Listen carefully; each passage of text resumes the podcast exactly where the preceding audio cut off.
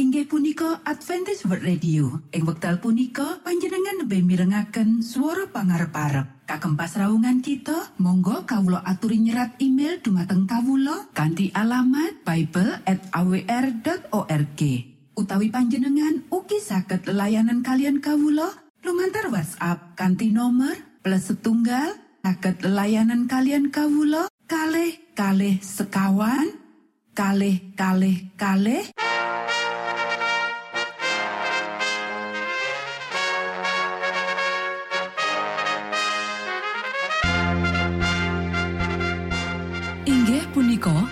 Adventist World Radio ingkang giaran kanti basa Jawi.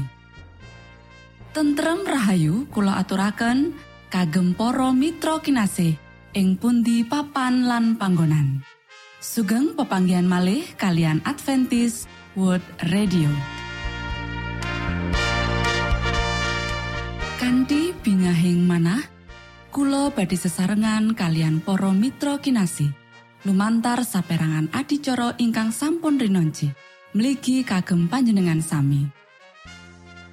Mugi giaran punika saged migunani tuwin dados berkah kagem kita sedaya. Sugeng midhangetaken Gusti amberkahi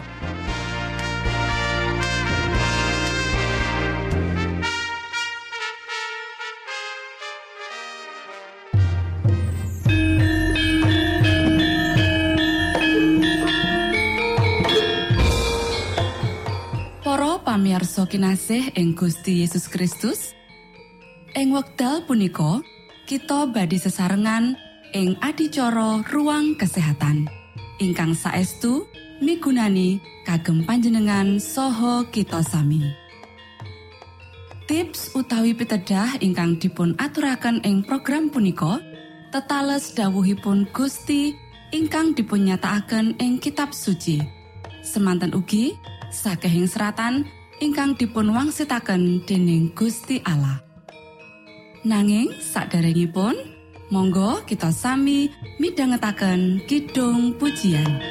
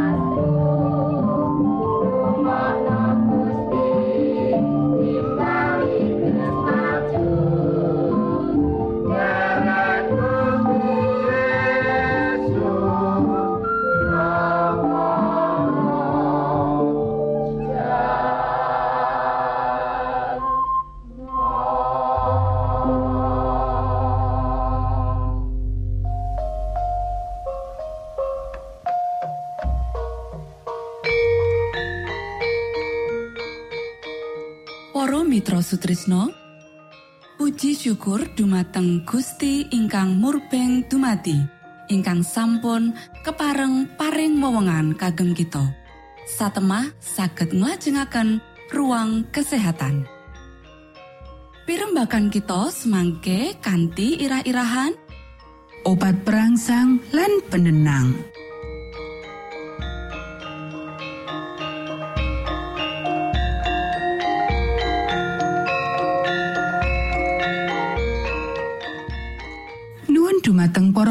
Para pamiarsa ingkang dahat kinormatan sugeng pepanggian malih kalian kulo Isti Kurnaidi ing adicara ruang kesehatan. Ing dinten punika kanthi irah-irahan obat perangsang lan penenang.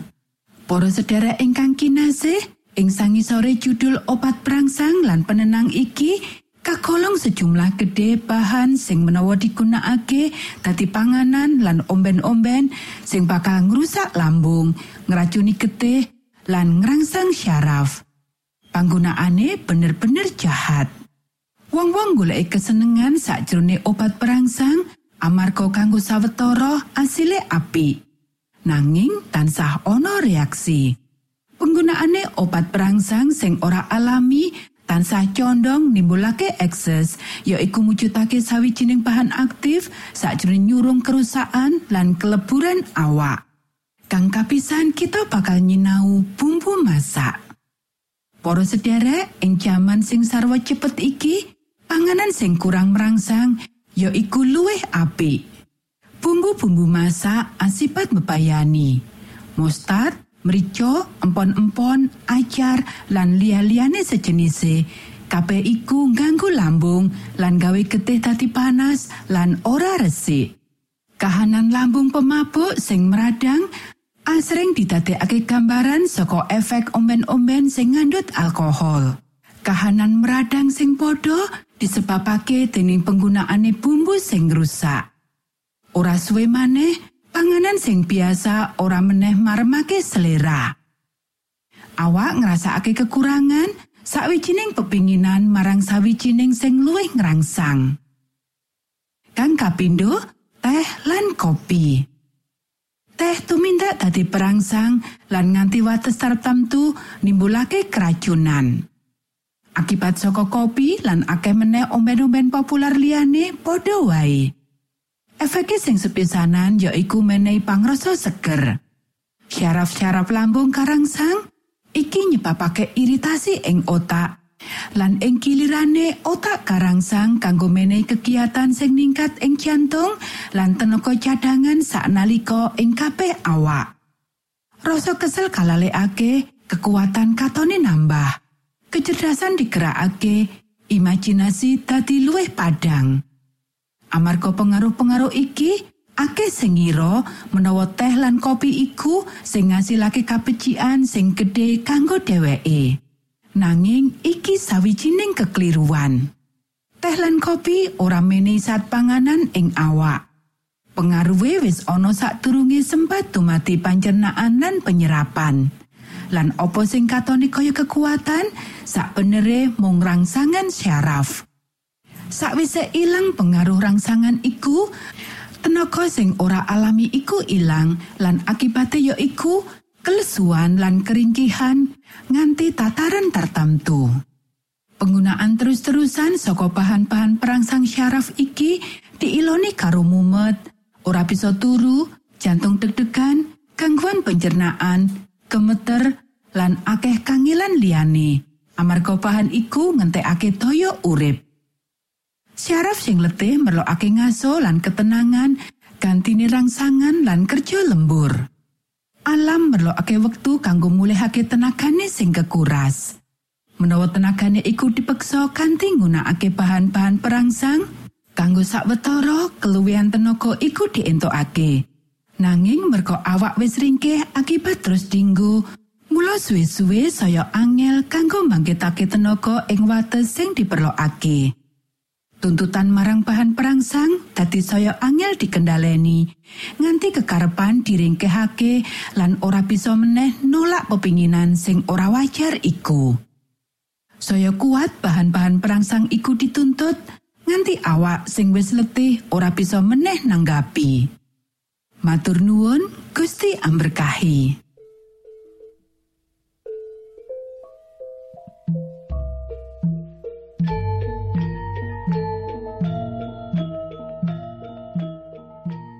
Cekap semanten pimbakan ruang kesehatan ing episode dinten punika.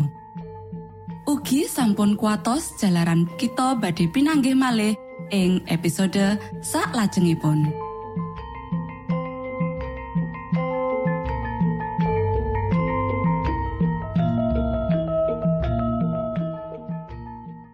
inggih punika adicara ruang kesehatan. Menawi panjenengan gadah pitakenan utawi ngersakaken katrangan ingkang langkung. Monggo Kulo aturi. Kinton email dateng alamat ejcawr@ gmail.com utawi lumantar WhatsApp kanti nomor 025 pitu 00 songo songo papat 00 pitu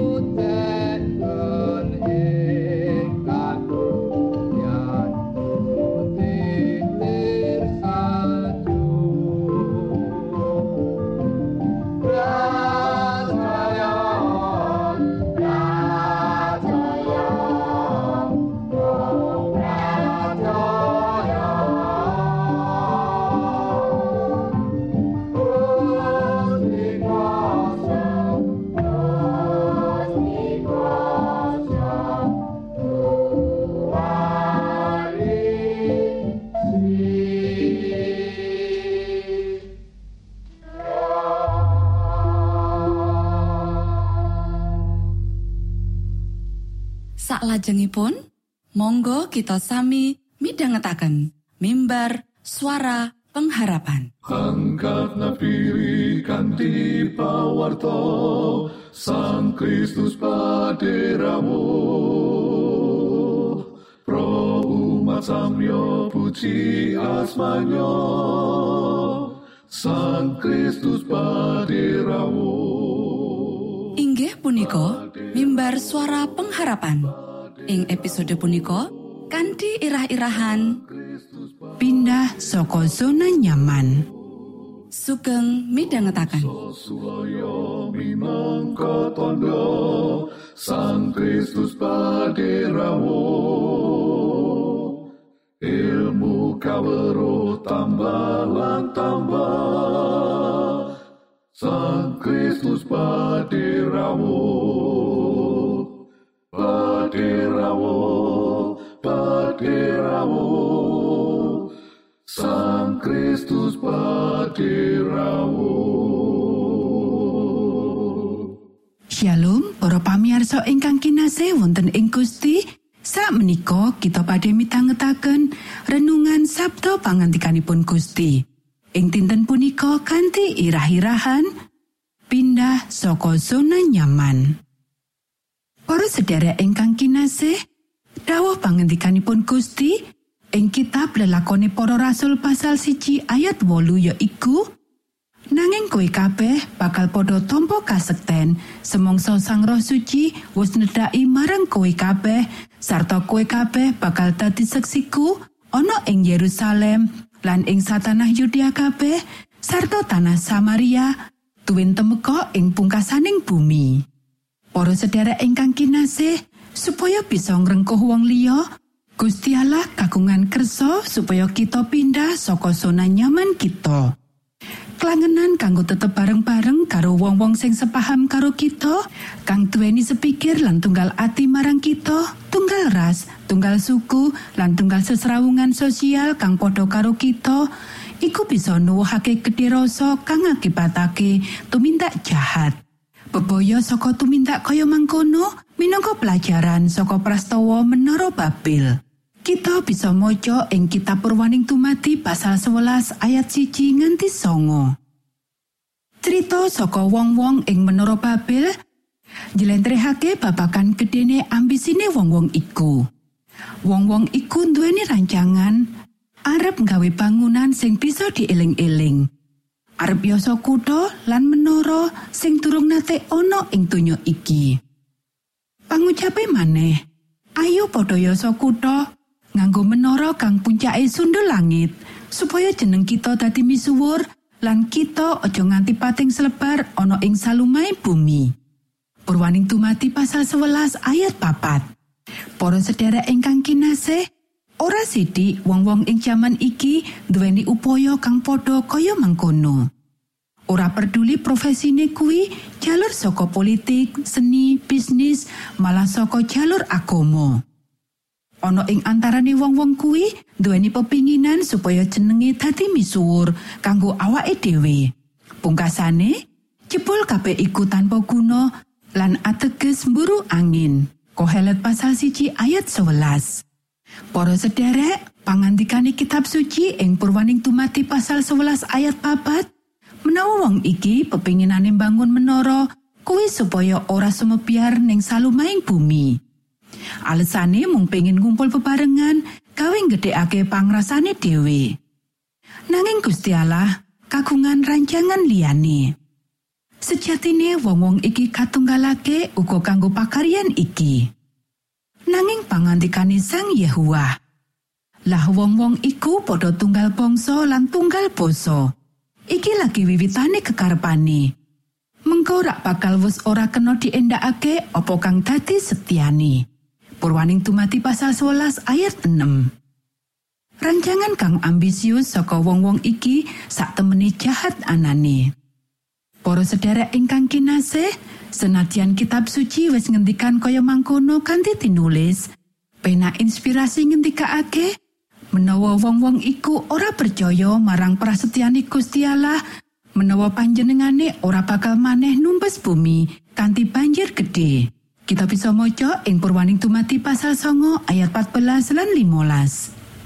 Wong-wong iki duweni karep bangun apa sing dheweke anggap aman ketimbang percaya marang dawuh pangandikanipun Gusti.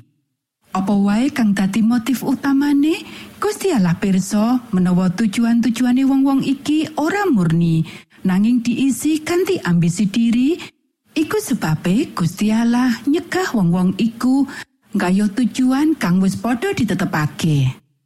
Monggo kita sami ndedonga. Duh Rama kawula ingkang wonten ing swarga, asma patuko mugi kasucikaken. Kraton patuko mugi rawuh, karsa patuko mugi kalampahan wonten ing bumi, kados dene wonten ing swarga. Kawula mugi kaparingan rejeki kawula sak cekapipun ing dinten punika. Saha patuko mugi ngapunten kalepatan kawula, kados dene kawula inggih ngapunteni tetiang ingkang kalepatan dhateng kawula. Punapa dene kawula mugi sampun ngantos katantukaken dhateng ing panggoda nanging mugi sami paduka uwalaken saking piawon. Awit dene paduka ingkang kagungan kraton saha wisesa tuwin kamulyan salami laminipun. Amin.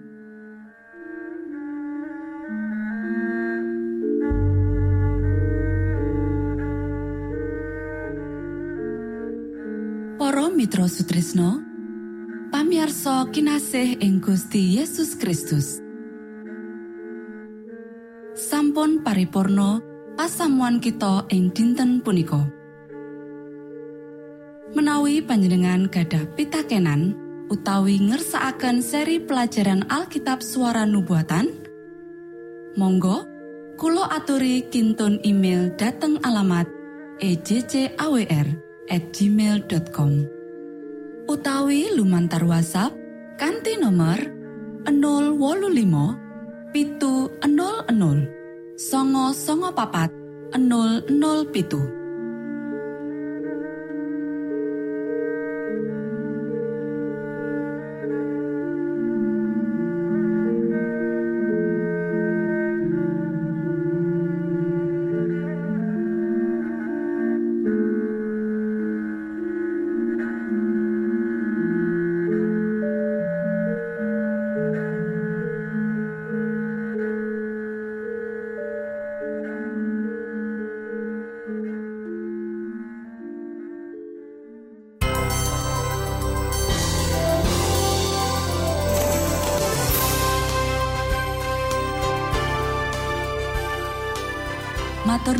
kagem wektalipun. Kita badhe pinanggih malih ing gelombang ugi wekdal ingkang sami. Saking studio kula ngaturaken tentrem rahayu. Gusti amberkahi kita sedoyo Maranata